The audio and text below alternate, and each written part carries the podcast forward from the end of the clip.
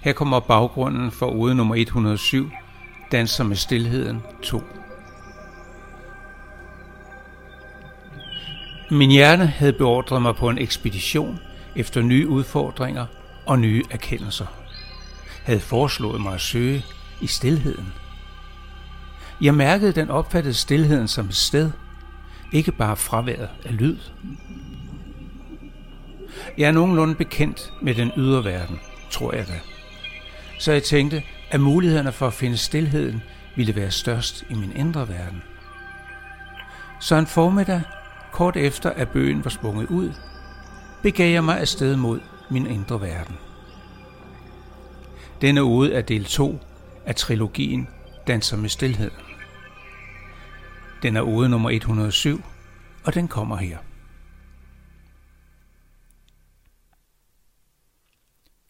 Det var en tidlig formiddag i maj måned.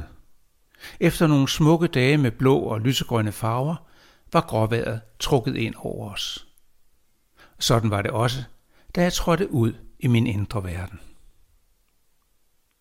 Jeg kom ud det samme sted, som jeg plejede.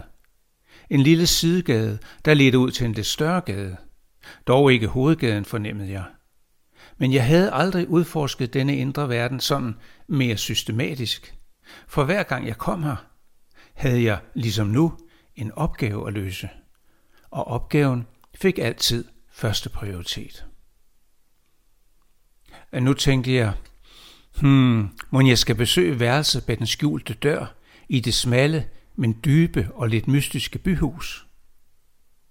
Værelset befandt sig i min fortid, og det var den eneste vej, jeg kendte, der ledte tilbage til min fødeplanet under den røde sol. Eller måske skal jeg besøge værelset i Mesozoikum.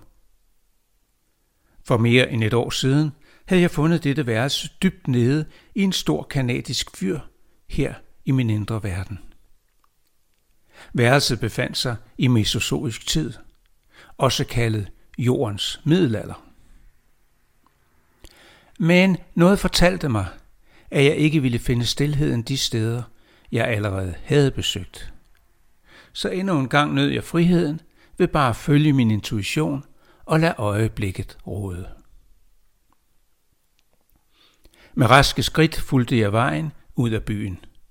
Snart blev asfalten erstattet af grus, og fortovene af grønne grøfter med kvikkende frøer. Jeg nåede skoven og modstod fristelsen til at dreje til højre mod den kanadiske fyr, for at tage nogle dage i tankefri vægtløshed i mit værelse i Mesozoikum. I stedet fortsatte jeg længere ind i skoven.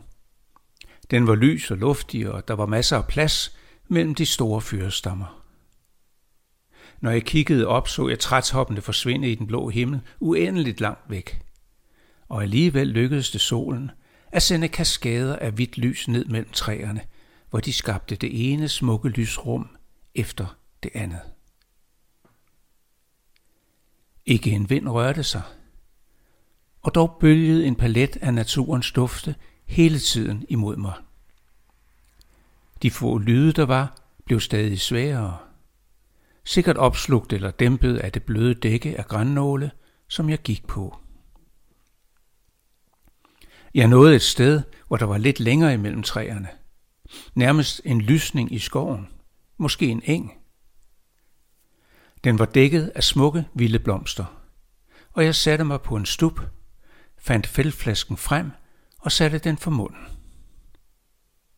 Så stoppede jeg midt i bevægelsen med en halv slurk vand i munden. Jeg kiggede på blomsterne. Der var ingen vind, og de stod helt stille. Bortset fra enkelte, der vippede, når en bil landede eller lettede. Jeg sad helt stille, åbnede alle mine sanser, ventede til en bi udså sig en blomst tæt på mig. Lyttede. Ikke en lyd. Ikke engang en svag summen.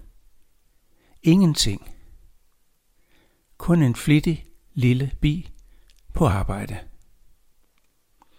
Jeg smilede, og uendelig forsigtigt lagde jeg feltflasken tilbage i den lille rygsæk.